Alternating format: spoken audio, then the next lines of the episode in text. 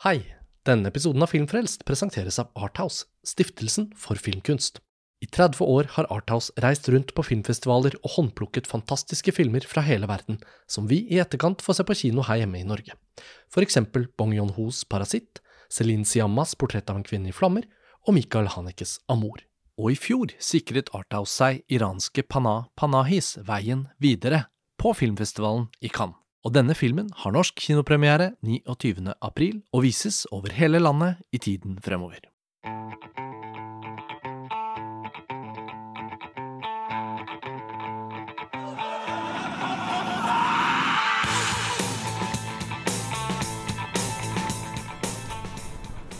Hei og velkommen til en ny episode av Filmfrelst, podkasten fra filmtidsskriftet montasj.no. Mitt navn er Karsten Meinick, og vi fortsetter i dag vår serie av episoder om David Cronenbergs Crash og året 1996, da den ble nektet visning i Oslo. Men eh, hovedstaden var jo ikke fri for alternative visningsarenaer. Og når vi nå i 2022 kan snakke om at Crash omsider skal få sin premiere i Oslo, på kino, så er det jo også en del av sannheten at eh, Crash ble vist på lerreter i hovedstaden høsten 1996, men ikke på byens egen kinokjede, Oslo Kinematografer. Isteden så ble Crash tilbudt alternative visningsarenaer. Eh, Filmens Hus og Cinemateket kjørte visninger. Den ble vist på Rockefeller, og den ble vist på Sentrum Scene. Og akkurat nå så har jeg kommet frem hit utenfor Sentrum Scene i Oslo, hvor vi skal møte Arne Dahr, som var sentral i visningene som foregikk her. Og ved å møte Arne der, så regner vi med å få høre en del anekdoter om nettopp akkurat hva det var som gjorde at entusiaster med tro på Cronenbergs Crash fikk rettighetene og fikk mulighet til å vise det. Så um, de fortellingene vi har i vente nå, de tenker jeg vil være ekstra spennende. Og her kommer Arne der. Hei, Arne. Takk for at du er med her. Nå har vi jo avtalt å møtes, så, så står vi her utenfor Sentrum Scene. Hvordan var det her da dere satte opp film? Ja, Først og fremst er jo Sentrum egentlig en kino. Ja. Det er bygget som kino. Ja. Ja, jeg var her med fattern og så Chuck Norris-filmer. Og så ble det konsertscene, men da var det noen dager hvor det ikke var konsert. Mm. Da visste vi film. Ja. Så vi fylte programmet. Og da er det der samme inngangen, eller er det noe som har endret seg siden Det er helt eh, likt. den gang? Ja. Bokstavene på toppen og alt sammen. Et av de stedene hvor ikke Oslo har endret seg så mye, og man kan når man skal gjenfortelle om noe som skjedde i gamle dager, fortsatt peke på at jo, her var det noenlunde likt. Ja, her er det faktisk helt likt. Store røde bokstaver, sentrum, sentrum scene, en del plakater for konserter osv. Men eh, det er jo en utekafé her rett ved siden av, så la oss sette oss ned, så skal du få fortelle alt om denne utrolige redningsaksjonen for David Cronenbergs Crash, som jeg vet at du har mye å fortelle om. Herlig. Nå har vi satt oss ned her ved siden av Sentrum Scene på et utebord. Eh, våren har kommet til Oslo, og um, Arne Dahr, velkommen til vår podkast Filmfrelst. Takk, takk. Veldig gøy. Veldig stas å ha deg som gjest. Og jeg tenker som en sånn disclaimer før lytterne lar seg rive med. Vi kjenner jo hverandre fordi du er eh, i familien min, og jeg er i familien din. Men vi har på en måte ikke noe blodsbånd, men vi er sånn fra ytterkanten av hverandre. Og vi har vært i samme juleselskap i mange år sammen. Det har vi. Og du er jo da fra en generasjon eldre enn meg, og dermed har du alltid vært en sånn person som har kunnet mye om film, og snakket mye om film, og gjort kule ting. Jeg husker en jul hvor du hadde kjøpt samme film i mange eksemplarer for å gi den til julegave til noen. Og tenker jeg, Så kul idé å gjøre. Det har Um, du gjort etterpå. Ja, jeg hermet litt etter deg. Så jeg skylder lytterne å gjøre oss oppmerksom på at vi kjenner hverandre vi litt. si at det var de andres smak, Ja. den franske. Og Ja. du mot veggen. Nettopp. Mm. fa- Fatt i hakken. Ja. Mm. Så jeg tenkte det var greit å si det. Og at jeg husker jo da at du hadde veldig mye kunnskap om filmer som jeg opplevde liksom utenfor mainstreamen og sånn. Og når man er 12-13-14, som i hvert fall Det var da jeg ble ekte filminteressert, på en måte. Da gikk jo jeg på liksom Armageddon og The Rock og Con Air og Den sjette sansen og liksom store filmer som jeg syntes var det beste i verden. Og så har jeg en sånn distinkt følelse at du hadde en sånn ganske sånn kul inngang til noe film som ikke jeg kjente til. Og så spoler vi frem i tid, og så sitter vi her i dag. Og så skal vi snakke om mange ting, men vi skal komme inn på da bl.a. David Cronenbergs Crash. Men for de som ikke kjenner deg, så må vi jo spole litt tilbake, og så må du bare fortelle litt. Arne Dahr, hvordan var din inngang til film? Det var eh, syv år gammel haisommer. Mm. Den gjorde et helt fantastisk inntrykk. Og det, det, etter det så måtte jeg lage film. Ja. Mm, og det ble det resten av livet. Mm. Hvordan, når du vokser opp da, hva er liksom Hva er mulig for en som deg i din generasjon, var det Da var jo Det er jo filmskoler i utlandet, det er noen skoler kanskje i Norge. Hvor, hvor, hvor siktet du hen da du det, tenkte det, det skal bli film? Det var ingen filmskoler i Norge da, så det var egentlig bare å kline til og begynne å jobbe med å lage kortfilm sammen med venner og kjente som var like interessert. Uh, og så havna jeg på filmskole i Danmark, da, på Ebeltoft. Ebeltoft, hvor veldig mange har gått, som, eh, som, jobbet stort med film senere. Var det rett skole for deg? Ja ja, det var fint. Det var en folkehøyskole med film. Ja. Mm, så det var helt strålende. Det var eh, Jeg vet ikke hva det egentlig gjorde. Det er jo som med filmskole, ikke sant. At uh, da har du alle de folka du har lyst til å være sammen med, fordi at de tenker bare på film, og så har du utstyr tilgjengelig, og så pusher du grensene. Mm. Mm. Men uh, vi Jeg var jo alltid det, det, var ganske sterk filmsensur i Norge på den tiden. Veldig sterk, egentlig. Hvilket, når er vi egentlig nå? Når du går på Ebeltoft, hvilket år er det? 93. Ja. Mm. ja. Uh, og jeg var alltid sint, for det, altså, sensur funker ikke. Det, man vil alltid prøve å finne de tingene som ikke man får lov til, og pushe de grensene der. Så vi, vi holdt på, på å kopiere VHS-er av hverandre. Alt sammen, Alle de gamle zombiefilmene til Romero og alle sånne ting, som ikke Ja. var lov i Norge. Nei, for det er, jo, altså det er jo utrolig. Jeg har jo nå snakket med ganske mange forskjellige typer kilder for å fortelle historien om Crash, og jeg føler at historien om det som skjer med Cronenbergs Crash i 96, egentlig vel så mye handler om eh, alt som har ligget i den norske filmkulturen kanskje mange tiår tilbake, men særlig fra og med videoalderen på 80-tallet og inn på 90-tallet. Og dette har jo du da førstehånds eh, kjennskap til, ut fra hvordan du følte at film var tilgjengelig for deg eller ikke. Altså Kopiering av VHS-taper og sånn, det høres jo veldig primitivt ut, men det var metoden. Ja. Og jeg husker jeg fikk tak i Cannibal Holocaust. Oi. Ja, og Den hadde pakistanske tekster, og var dubba og alt mulig. Ja. Og var veldig grainy. Det var ikke Ja. mulig egentlig å se hva som skjedde, men den skulle ses. Kult. Mm. Og hvordan opponerte du mot det du følte at ble nektet deg, da? Ja, det var å, å gå i undergrunnen da, og prøve å finne disse filmene. Søkte med lys og lykte for å finne det. Og, og, og, og gikk mye på amerikanske bøker og sånne ting for å finne ut hva som egentlig fantes, for der var jo det meste lov. Ja. Uh, og så var det å gå på filmklubb. Og så så vi at uh, Underdog filmklubb her på Sentrum Scene Vi syntes den var litt slapp. Mm. Ja, for den jo- fantes allerede? Den fantes, Ja. så vi spurte om å få bli med i styret, jeg og en kar til. Ja. Og så fikk vi lov til det. Og Og kuppa. så- og så- ja, eller så ble vi valgt inn, da. Så til slutt så ble man leder for det, da. Ja, kult. Underdog filmklubb, det er bra navn. Ja, Den finnes liksom, ikke lenger. Nei, den finnes ikke lenger. Det var Norges største filmklubb, Kult. Uh, og den var her. Og da, uh, og da vinkla vi den til å pushe grensene for sensur. Fordi det var et smutthull i loven den gangen. Fordi filmklubb var privat, man måtte være medlem. Og dermed så var det private visninger. Og da kunne vi gå utenom sensuren. Og så hadde vi masse kontakter over hele verden for å få tak i filmkopier. Og det var da ekte filmruller, da, hvor en film veier eh, 30-40 kilo. Ja, For å trekke inn de yngste lytterne våre også, som selvfølgelig vet om dette, men for å bare gi det litt sånn kontekst. altså Vi snakker jo da før internett, åpenbart. Før Og mail. Og før mail. Det var brev. Bestillinger. Ja, du får Ja. fortelle. Og så filmruller. Og det er jo noe med det òg at Fax. Selv om det er faks, ja. Å, faksen. Mm.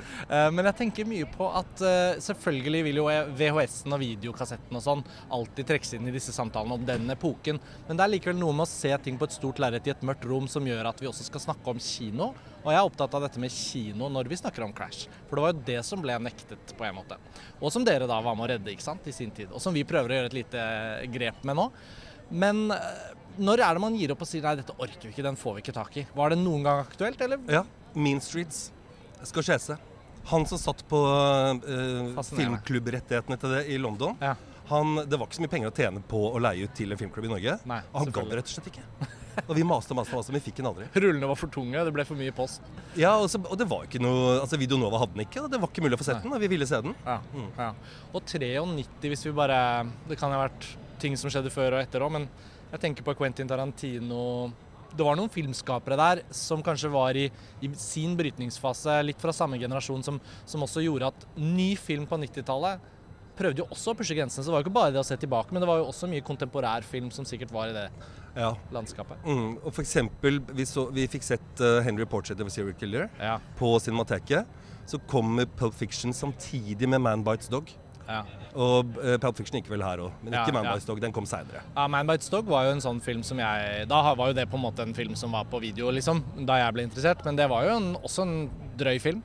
Absolutt. Føltes sånn. Uh, Jeg jeg er så spent og nysgjerrig på liksom hvordan noen som da ser film i 2022, og som har de konsepter om at ting som er, liksom er film, er drøyt, eller er det bare YouTube-klipp og, og, og snøff-greier på nettet som liksom er ekte drøyt?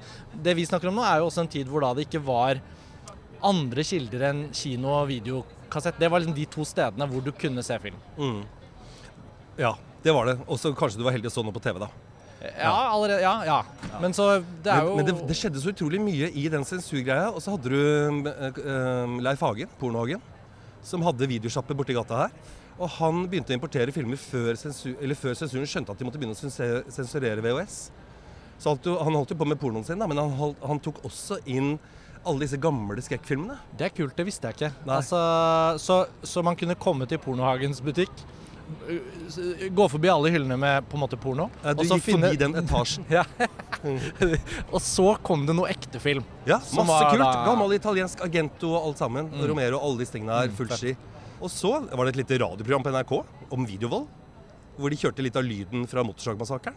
Da kan du tenke deg hvilke bilder folk fikk da. Ja, herregud. Mm. Ja. Så det, alle var enige om at eh, dette måtte sensureres og fjernes. Ja. Mm. Og så um, Ja, altså, men men og det å opponere mot dette på en måte Som du sier, dere har filmklubb, du er i Underdog filmklubb her på Sentrum Scene. Det er, det er selvfølgelig herlig å være ung, gryende filmskaper, filmentusiast, alt dette. Um, men det er da også veldig mange eh, ting som skjer på veldig kort tid, hvis jeg husker riktig. da. Så Du sier Pulp Fiction, eh, 94 Natural Born Killers, eh, stor debatt, Filmtilsynet, og, og de tillater den. Kinosjefene vil ikke at den skal bli tillatt. Det er ulike typer aldersgrenser. Det er reformen av kinoloven på 70-tallet som gjør, gir oss en 18-årsgrense. De, de får større handlingsrom. Og jeg tenker sånn eh, Hadde du en følelse at det bare var et tidsspørsmål om når alt kom til å bli tillatt, eller tenkte du vi må skaffe denne filmen nå, fordi kanskje blir den aldri mulig å se? Liksom. Hvordan var liksom viben den gangen? Nei, jeg tenkte ja, det, Den der framtidshåpet om at alt skulle bli lovlig like liberalt som det er i dag, den turte vi ikke å tenke. Nei. Men Tom Lørland, som var leder for Filmtilsynet, Ja. han og jeg hadde noen uoffisielle samtaler. Kult. Uh, og han uh, uh, Ikke i ordrett, men uh, syntes at det var kult det vi drev med. Og det skjønte jeg fra han. Vi kunne gjøre det utenfor loven. Og så kom det et forslag om å legge filmklubber innunder sensurloven. Ja. Oi. Eh, og da eh, snakket vi litt sammen, ganske uoffisielt. Og vi bestemte oss for å pushe grensene maksimalt for å få en debatt. Og da kjørte vi Ilsa-filmene, vi kjørte Cannibal Holocaust, vi kjørte masse zombie, kannibalfestival, eh, alt mulig rart. Og så ble det en kjempedebatt. Og um, Anders Giæver Mm. hoppa på. Eh, han jobbet da i Arbeiderbladet, nå Dagsavisen. Og det ble en debatt om søppel på filmklubber, og så, um, hadde, og, ja, og så måtte vi eh, snakke litt om hvilken verdi disse filmene hadde. da. Mm. Og så, når Tom Jørland gikk av, så slapp han alt. Ja, for Han virket som en utrolig viktig liberaliserende, moderniserende figur. Jeg snakket litt med Vegard Higraff, som har skrevet en bok om statens filmkontroll, filmtilsyn, Medietilsynet. Kjært barn har mange navn. Um, og det virker jo som at det Lørland gjør, er såpass viktig at til og med de mest konservative da, kinosjefene går i opposisjon med ham. Eh, og i Oslo hadde man jo da en kinodirektør som gjorde veldig mye bra for å skaffe et bredt program og sørge for alle mulige tenkelige filmer fra rundt omkring i verden, men som også satte ned foten ved flere anledninger, ikke bare ved anledningen av Crash. Og det må jo også ha gjort at for deres del så må jo da kinodirektøren den gang, Ingeborg Moreus Hansen, ha vært en, eh, ja, en delt glede, får man si. Altså at I noen tilfeller så er det jo fint å ha noen å opponere mot også. Jeg vet ikke, Hvordan husker du henne som figur den gangen? Jeg har aldri snakket med henne. Nei. Nei. Eh, Men jeg hørte på radioen eller på TV den kvelden hvor hun fant ut at eh, hun ikke ville vise Crash. Og jeg var jo allerede Kronberg-fan. Og da hadde vi jo kinoklubben her, da.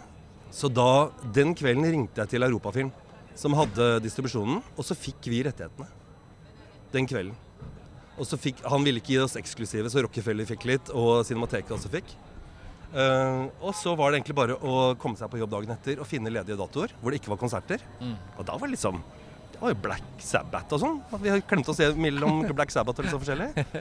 Eh, Måtte de rigge om hele sentrumscenen? Det gjorde vi alltid. Ja, Mm, Okay. det var Så det var en del av jobben, liksom? ja, for ned med du, du, ja, du dro bare lerretet ned Ja. foran alle instrumentene. Ja, Mm. ja så greit. da. Ja. Så det var egentlig ganske greit. Og så ble det solgt øl, da. Ja. Mm. Vi snakket med Åge Hoffart, som også jobbet i Europafilm den Ja. gangen. og Han fortalte jo litt om hvordan, hvordan det selskapet hadde jobbet med ulike typer filmer, og at det var viktig for dem også å ha kontroversielle titler. Og at på en eller annen måte så var jo da forbudet mot Crash litt en sånn gave til å skape en myte rundt filmen. Så han hadde jo et humørfylt eh, minne om den situasjonen. Men det er jo dramatisk også for et land som Norge, hvor Oslo er så sentralt, særlig for den typen film, som kanskje ikke skal nå det bredeste publikummet, men som tross alt skal ha sin kjerne. Og Cronenberg var jo ikke noen ny filmkunstner på en måte den gang, som du sier. Du var jo allerede fan. Altså, husker du hvordan Europafilm opplevde det selv? Tok de med smil, eller var de litt forferdet, liksom? Ja, de tok det ganske med ro, altså. Og de, og de skjønte nok at det forbudet som Ingeborg Marie Hansen gjorde De overskriftene det... Herregud, det var, så mye, det, var, det var så mye styr rundt det, og det var en vanvittig markedsføring. En mm. kjempehype. Ja. Uh, så det Du kan ikke kjøpe sånn markedsføring for penger. Og dere griper selvfølgelig anledningen. Dere driver filmklubb her på Sentrum Scene. Uh, dere rigger om, dere deler rettighetene med Hva heter Rockefeller? Rock Cinema. Rock Cinema på Rockefeller. Ja. Um, og tidligere hadde jo Himmel og helvete filmklubb hatt visninger på Rockefeller. Og der er det jo også en sak hvor de fikk loven på nakken da de skulle vise Jørg Butgereits nekromantikk. Mm. Uh, det ble rettssak. Politiet konfiskerte filmrullene. Og de ble ikke dømt, de ble frikjent i ja. 95. Så jeg har, jeg har liksom lest hvordan det var ganske mange sånne hendelser. Så det, altså, jeg opplever jo ikke deg som spesielt redd type. Da, så det, var ikke, det er ikke sikkert loven på nakken var en stor trussel for dere. Nei, det var ikke noe lov. Dette var en personlig mening fra kinosjefen i Oslo. Ja. Ja. Eh, og det ble spekulert mye om hvorfor hun gjorde det. Mm. Det trenger vi ikke komme så mye inn på her. Men Eh, hun, jo, hun, er jo knallhard dame. Mm. eh, så hun hadde bestemt seg, hun. Og mm. argumenterte for det på alle mulige måter. Ja. Uh, og det var, altså Jo mer hun sa, jo bedre var det. Ja.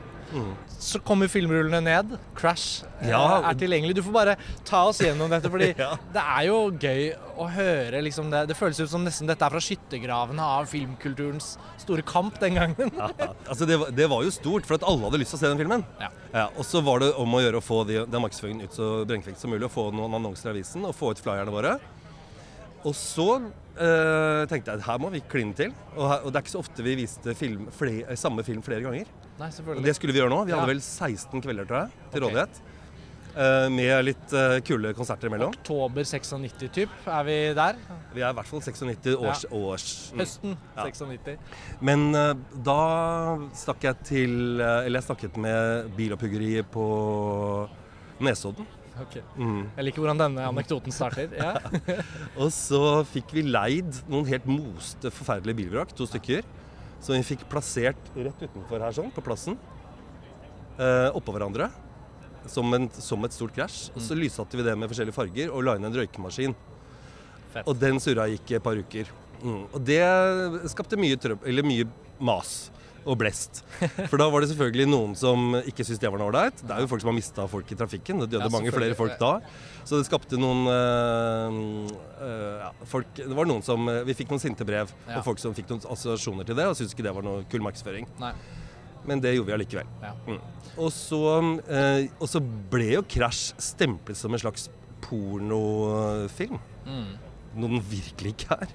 Nei, altså Kinosjefen i Tromsø er sitert på det i, i avisa Tromsø, september 1996. Det oppleves som en ren pornofilm. Den skal vi ikke sette opp. Det får bli opp til filmklubbene. Han kan ikke ha sett den.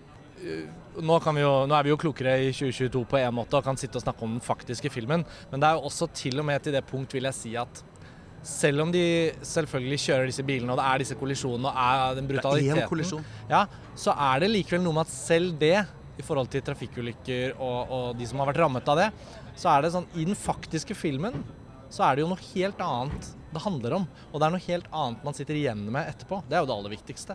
Og så Etter å ha sett denne filmen, så opplever jeg jo at det er jo et virkelig sånn filmkunstnerisk behandling. En subversiv film.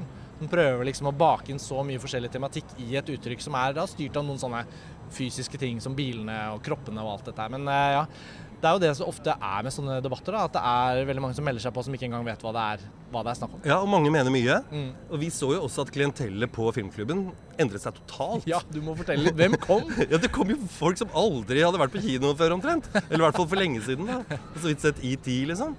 Og det kom til og med en kar helt fra Alta for å se den.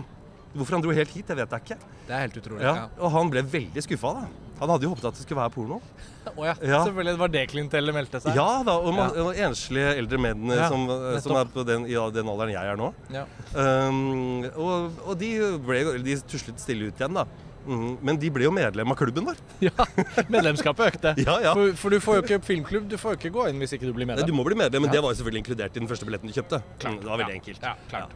Så, men vi hadde et stort uh, Vi fikk uh, Ja, vi, det sjekket jeg litt nå, da, men jeg tror vi solgte over 1500 billetter. Wow. Som er mye for en uh, filmklubb. Ja, absolutt. Jeg hadde jo håpet på enda mer. Hvordan, hvordan splitt hadde dere med europafilm da? Hvordan funka det? Ja, det var helt eh, Det husker jeg ikke. 50-50 eller noe sånt? Nei, vi, jeg tror vi fikk litt mer enn det. Ja. Jeg tror vi hadde en ganske vanlig filmavtale.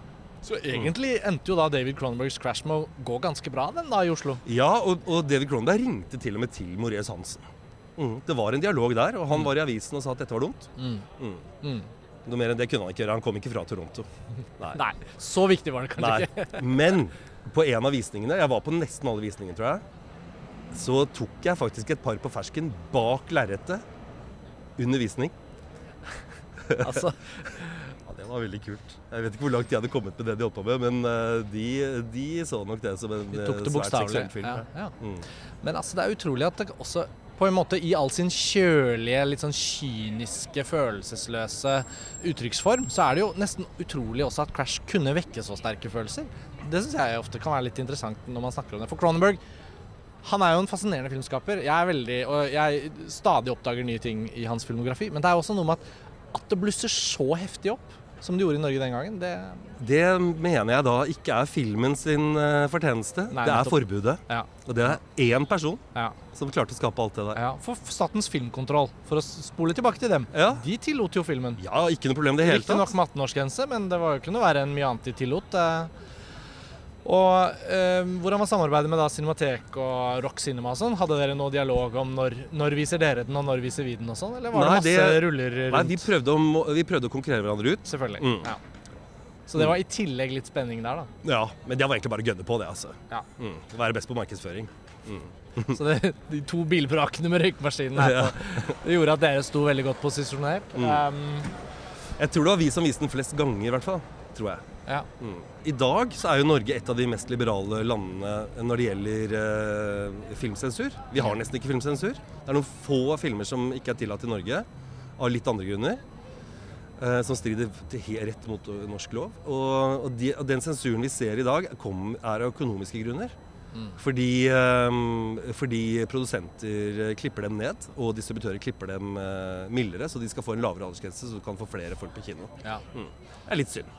Ja, og så tenker jeg jo jeg, tenker, jeg har jo tenkt ganske mye på klimaet vi er i nå i 2022, hvor en film som kanskje aldri vil bli sett i Norge, er ikke en film som blir nektet vist, men det er en film som blir ikke lagd.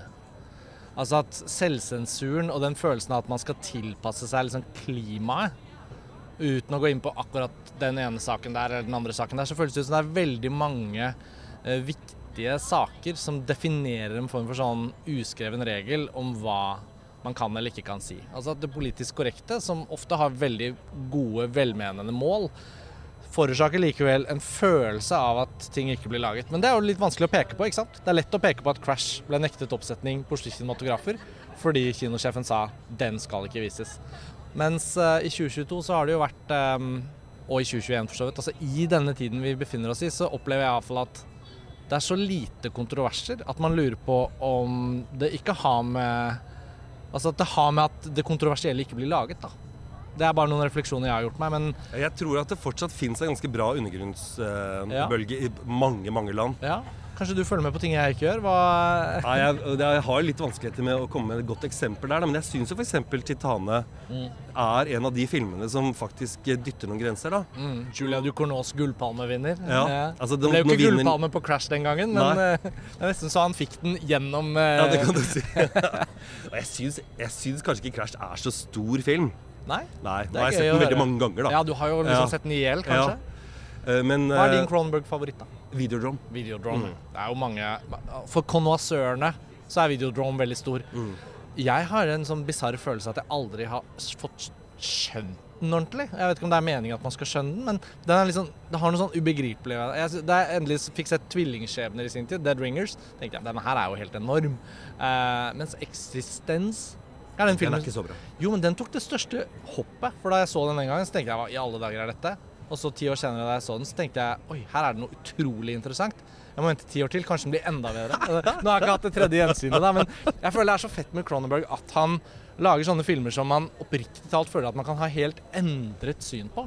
Enten ved å bli kanskje litt klokere eller se litt mer Cronenberg, bli litt eldre, hva som helst. Og han har jo en ny film også nå, i Cannes, 'Crimes of the Future'. Mm. Man bruker tittelen fra den studentfilmen sin om igjen, så det Mm. blir veldig spennende. Ja, nei, men det er interessant det der med hva som er drøyt, og hva som er forbudt, og hva som ikke er det. Og, Altså, jeg, jeg tror ikke vold på film eh, har noen effekt lenger. Det er ingen som åpner øynene for det lenger. Men det som er litt interessant, det var en liten debatt ute om det nå, er at sex i film er jo nesten borte. Mm. James Bond, for eksempel. Jeg vet ikke hva han driver med på kveldene, men det er ikke særlig gøy, tror jeg. Og, og vi går inn i en sånn veldig ordentlig tid, og det ser vi på alle mulige andre ting også, med walk og alt sammen. eh, at vi skal oppføre oss så pent og, og sånt noe. Og det skaper jo bare mer undergrunn. Vi blir ikke noe bedre mennesker. Nei, så undergrunnen uttrykker seg, men den det, Kanskje ikke det skjer i filmkulturen, da, på en eller annen måte. Altså spillefilmkulturen, hvis vi sier det sånn. da. Mm. At den påkostede, tross alt, filmen, selv en independent-film, må liksom lages. Eh, og at kanskje der er, er spørsmålet om er det der man skal uttrykke seg med det mest radikale, eller skal du få uttrykk et annet sted. Jeg følger jo ikke helt med på det absolutte undergrunnen av internett f.eks., eller spillkultur, eller subversive uttrykk i sosiale medier kanskje det fins. Um, så det er kanskje der det skjer, jeg vet ikke. Ja, så lenge ting er kommersielt, Ja. som, som gaming ofte er, da, Ja. Uh, og, og filmer som kommer på kino, og Netflix og HBO og alt sammen, så, så vil det holde seg innenfor en del rammer. Altså. Risikoen er for stor. Ja, det er den. eh, Det, handler, det er kommersielle ting. Så kapitalismen har egentlig tatt helt over. Den har det. Ja. Ja, vi kan le litt, men det er jo litt sånn, man blir jo litt resignert òg av den følelsen. ja. Ja. Hvis du ser tilbake på, uh, på Italia på 70-tallet, Mm. og den liksom Lucio Fulci og disse gamle, rare tingene, uh, og Romero og sånt noe, som Det er ikke så veldig bra filmer alltid, men de pusher noen grenser, da, spesielt på vold og sex. Um, de hadde et vanvittig publikum. Et vanvittig publikum. Mm. Og det tror jeg ikke du vil finne igjen nå eh, pga. de samme virkemidlene. Tror jeg ikke. Og jeg tenker også at eh, det er jo dokumentar. Det er der Ja. det skjer. Ja. Mm, Det er der du eh, hever øya.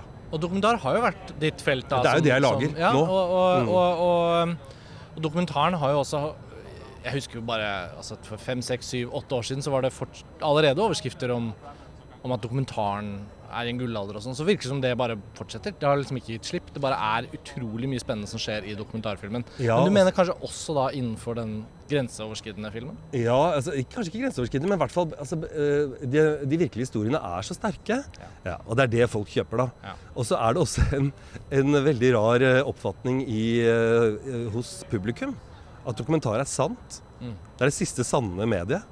Og de tar dessverre feil. Ja, altså film er jo manipulasjon, uansett hvordan du vrir og vender på det. Mm. Men ja, det derre sånn søken etter ekthet, og det derre trekket mot noe som er ekte, Ja.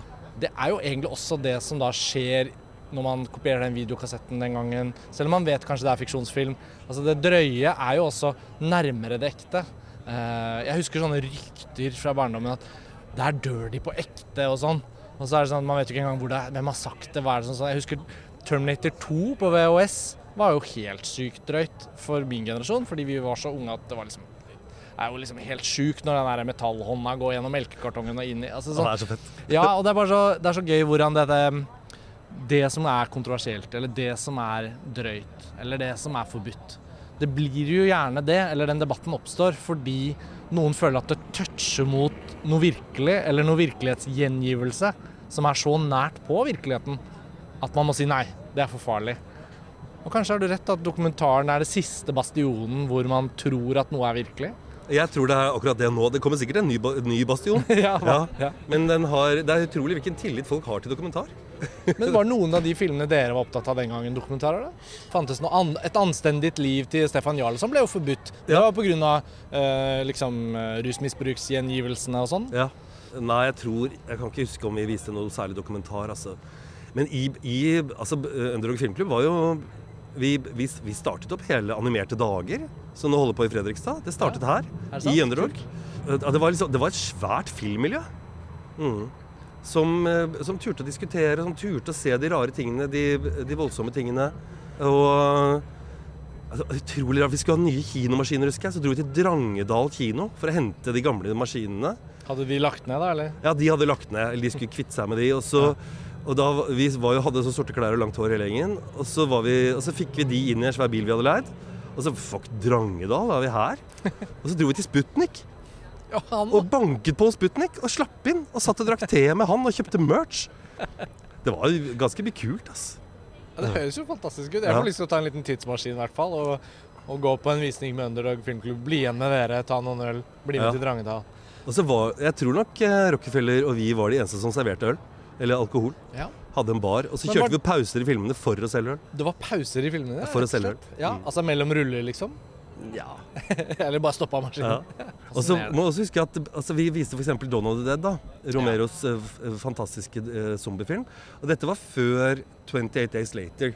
Uh, som startet opp zombiesjangeren igjen. Ja, på, på 2000-tallet. Eller Ja. eh, renessansen for zombiesjangeren. Ja.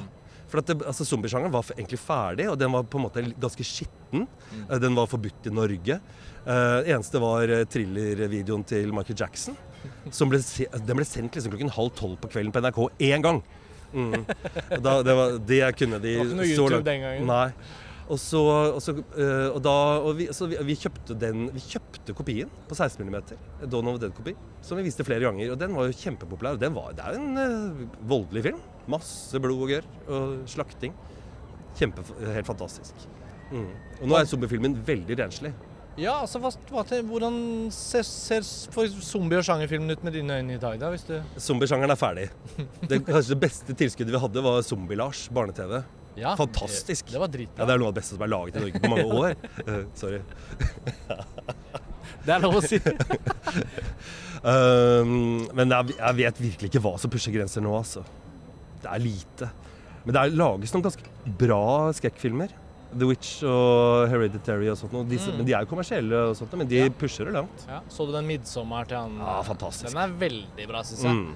Og Hereditary og selvfølgelig Ari Aster. Jeg har jo aldri blitt en sånn horror-geek, så for meg har det alltid vært litt sånn uff, orker jeg dette, da? Åh, ja, jeg får vel jeg får vel bli med. Nå sier jo alle at jeg må se den, så da, sånn som med Hereditary, så Ja. det tok meg litt tid å, å til slutt se. Jeg så vel den hjemme. Men um, 'Midtsommer' det var jo en fantastisk horrorfilm også fordi den var i lyset. Jeg syns det var så fett å se en film i dagslys som klarte å være så uhyggelig.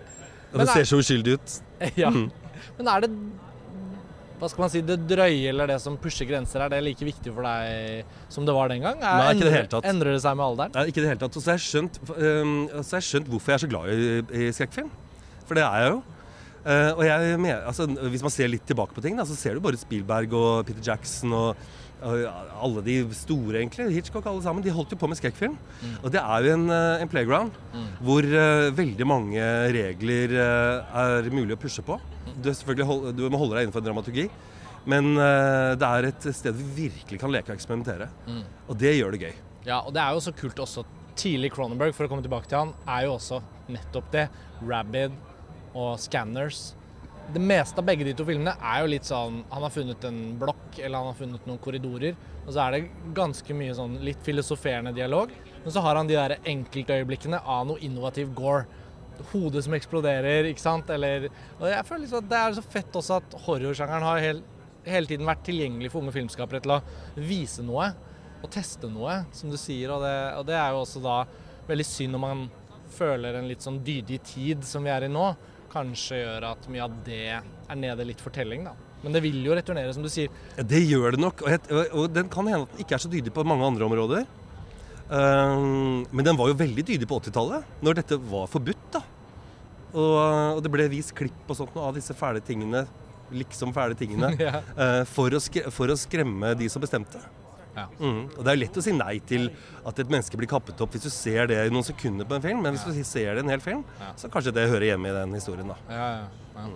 På den scenen, for å kalle det det, da, hvor undergrunnsfilmklubbene og dere er liksom med og driver eh, visninger og får folk inn og sånn, altså, kan du si litt mer om det miljøet? Hvem var dere? Hvordan, hvordan gikk det med hele gjengen? Ja, alle har jo blitt uh, ordentlige fedre. Og, Småbarnsfedre. Ja. Og noen damer òg, da. Vibeke Christensen eh, var jo veldig inn på dette her. Jobber nå i design, så vidt jeg kan se på Facebook. Det var mye filmfolk. Erik Dish, eh, som var gammel produsent, var med Mm. på dette her. Arild Jørgensen fra eh, Du kjenner til han, eller? Ja. Ja. Kinotekniker. Da, Ja, kinotekniker. Han var med på dette her. Tico Puljo, som eh, som alltid har vært en sånn mørkemann og, og sånt noe. Samarbeidet med Oslo Filmfestival og Tommy Lørdal og sånn da, eller? Ja, han hadde eh, Oslo Filmfestival var en del eh, Hadde noen visninger på sentrum. Ja. Så Tommy var med. Og så hadde vi noen kule gjester, da. Vi hadde jo Nick Sedd. Vet du hvem det er? Sånn undergrunns eh, New-Yorker som lagde kortfilmer og dokumentarer. Det var dokumentar. Mm. Han døde for bare et par måneder siden. Ja. Ordentlig mørkemann, altså. Jeg var på en fest med han i New York en gang, og da syntes han alle var så dumme at han gikk på et rom og satt og så på atombombeeksplosjoner på internett. Eh, Virkelig en snådig snodig skrue, altså. Og vi, altså, I Underdog Filmklubb så, som sagt, så startet vi um, Animerte dager. Det var Vibeke Christensens eh, hjertebarn. Kortfilmfestival hadde vi. Vi hadde oppsummering etter Grimstad. Ja. Masse, masse folk i to dager, tror jeg. Og jeg tror, jeg vet ikke om vi var de første, kanskje, men vi trodde vi i hvert fall vi var der, som hadde filmvisninger av Dr. Caligaris kabinett med livemusikk og sirkusforestilling og fyrverkeri foran lerretet. Dette høres ut som noe jeg skulle likt å ha opplevd, men som jeg var for ung til. Hvor lenge, hvor lenge pågikk denne gullalderen for Underdog filmklubb her på Sentrum Scene da, Arne? Var det, var det de årene der midt på 90-tallet som var liksom Det var da det gløda mest, eller? Og når gikk du videre for å Det stoppet helt av seg selv når Olav Thon kjøpte Sentrum Scene og pælma oss ut. Pælma ut rockeklubben og oss alle sammen. Ja. Og ville drive det kommersielt. Og det gikk jo ikke særlig godt økonomisk, da. Vi, vi i, i filmklubben gikk rundt. ja. Og rocke, rockegjengen vet jeg ikke hvordan det gikk med, egentlig. Nei. Nei. Nei, og da slutta det. Og så har jeg bygget filmskoler og jobbet på Lillehammer og produsert masse film. Og, og jobber jo fortsatt med film, da. Ja. Mm, jeg har ja. gjort det i 30 år. Mm. Og, og Sentrum Scene, mm, som vi sa i introen, og når vi sto der borte ved skiltet og, og så på det, ser jo noenlunde lik ut. Men det er jo et tegn i tiden for hovedstaden og alle som bryr seg om kulturlivet her i Oslo, at det er nå engang sånn at man må la noen ikoner gå bort. Slik at anekdotene blir levende og morsomme å fortelle. Absolutt. På, på en eller annen måte føler jeg at de, de barene som ikke finnes lenger, og sånn, de er jo da historier. Og det, det som varer evig, blir jo da til slutt ofte litt sånn konvensjonelt og dølt. Uh, og det er jo litt kult for Underdog Filmklubb sin del, at det er en kort lite, et kort lite blaff, egentlig. Men betydningsfull fordi dere var med å spille en rolle Ja. eh, som en alternativ visningsscene under et kinomonopol. Og det med kinomonopolet også er jo liksom sånn Når man begynner å sette ord på det, så er det jo litt rart å tenke på. For det er jo ikke så lenge siden til slutt Kunstnernes Hus kino, Vega Scene Odeon på Storo fikk åpnet. Det er bare noen få år siden. Mhm. Så selv om liksom det offisielle monopolet og kommunen solgte Oslo Kinematografer, og det ble Nordisk Filmkino og sånn, så er det likevel litt sånn at jeg føler Oslo fortsatt har en del å gå på som kinoby. At vi fortsatt kan få en enda mer sånn bredere scene. Jeg vet ikke om det er noen andre kinoplaner på gang, men det føles ut som det hadde vært mulig. Tenk så fett om Sentrum Scene begynte å vise film igjen, f.eks. Det hadde vært dritfett. Men jeg, jeg syns jo Vega gjør en kjempefin jobb. Det må jeg si. Det er et alternativt eh, kinotilbud i den byen som vi har savnet lenge. Mm. Men å drive sånn som vi gjorde med Underdog på den tiden, det hadde ikke vært mulig nå. For vi viste jo filmer som var forbudt. Mm. Det er ingenting som er forbudt lenger. Nei. Vi har ikke den hypen å vise til. Nei. Nei. Og vi viste masse ting som ikke var så bra. Men det var, eh, det var, det var der du fikk se det, og det var det eneste stedet du kunne få se det. Nå ligger jo alt på nett. Mm. Jeg på, en- var på en sånn Statoil-stasjon og så Motorsagmassakren til 39,90, liksom. Eller 39,50 til og med. Men eh, det var helt utenkelig. Er det det øyeblikket hvor du føler alt det kule døde, liksom? Ja, det var ukult. Ja. Jeg, jeg, jeg var i New York da jeg var 18 år. Jeg var i Los Angeles og jobbet da jeg var 18 år. Og, og da gikk jeg selvfølgelig med en gang og leide Evil Dead 1 og 2 og Motorsagmassakren. For de hadde vi aldri fått sett. Mm. Det må ha vært et helt utrolig øyeblikk. Det var dritkult. Ja. Mm. Fantastisk. Mm. Men det er veldig gøy det bildet du tegner opp. Motorsagmassakren. Ferdig pakka på fysisk format 3990 på en bensinstasjon. Alt det som den gang var ladet med det forbudte, er jo nå da flata ut på Kan man si på en måte, da. Burgeren er dyrere, liksom. det er trist, altså. Men egentlig så tenker jeg også mission accomplished, da. For jeg syns jo at vi har gjort en jobb for å pushe grensene og få i gang debatten. Mm. Og noe, altså det har jo skjedd. Ja. Altså Det drømmescenarioet mitt for film i Norge har skjedd. Ja. Vi kan se hvor vi vil. ja. Mm. Det er ingen som sier at jeg ikke får lov til å se ting. Og det er selvfølgelig viktigere enn romantikken rundt det forbudte. Ja, jeg tror ikke jeg hadde vært en like god filmklubbleder nå som da. Nei, det kan man si. Eh, og så er du jo far. altså hvordan hva tenkte dine foreldre om det du drev med den gangen? Og hvordan tenker du nå om dine egne barns filminteresse, eller eventuelle interesse for, for film og video og spill og alt det der? Altså, ser du liksom hvordan generasjonsperspektivet endrer seg?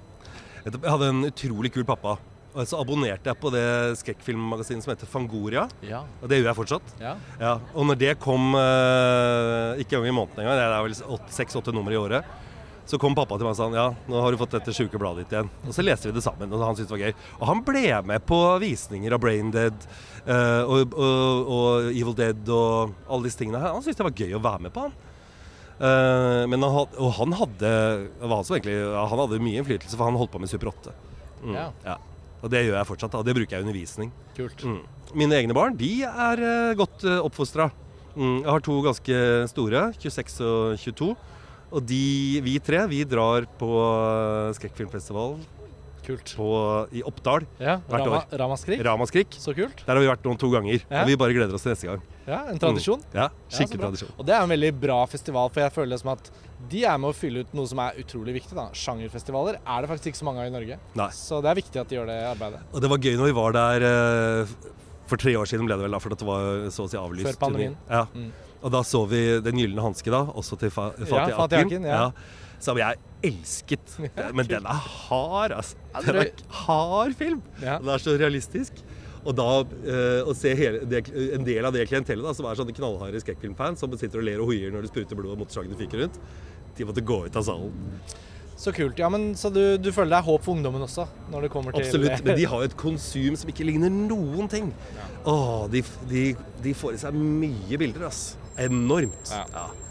Historiefortellingsinputtet er så stort. Mm. Men det er mye som er bra, da. Men jeg syns det meste er liksom litt over middelmådig. Men Arne Dahr, altså avslutningsvis, nå har vi jo fått snakket om veldig mye. Vi sitter fortsatt her i vårsolen utenfor Sentrum Scene.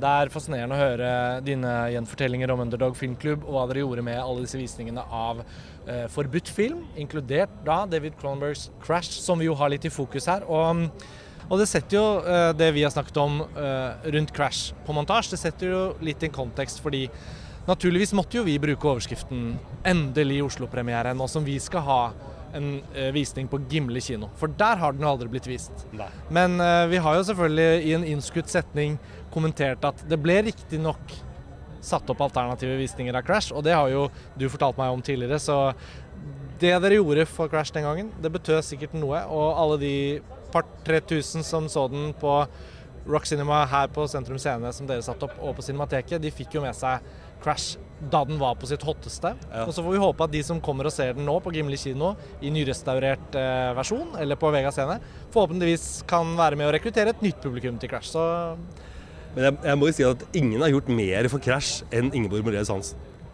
Og med det, det var bevingede ord, så sier vi takk for denne praten, og takk for denne episoden. Arne, jeg er glad du kom med som gjest. Jeg håper vi kan invitere deg tilbake en gang for å snakke mer om sjangerfilm og Gjerne. den slags. Ha det bra. Tusen takk, Karsten. Veldig gøy. Ha det.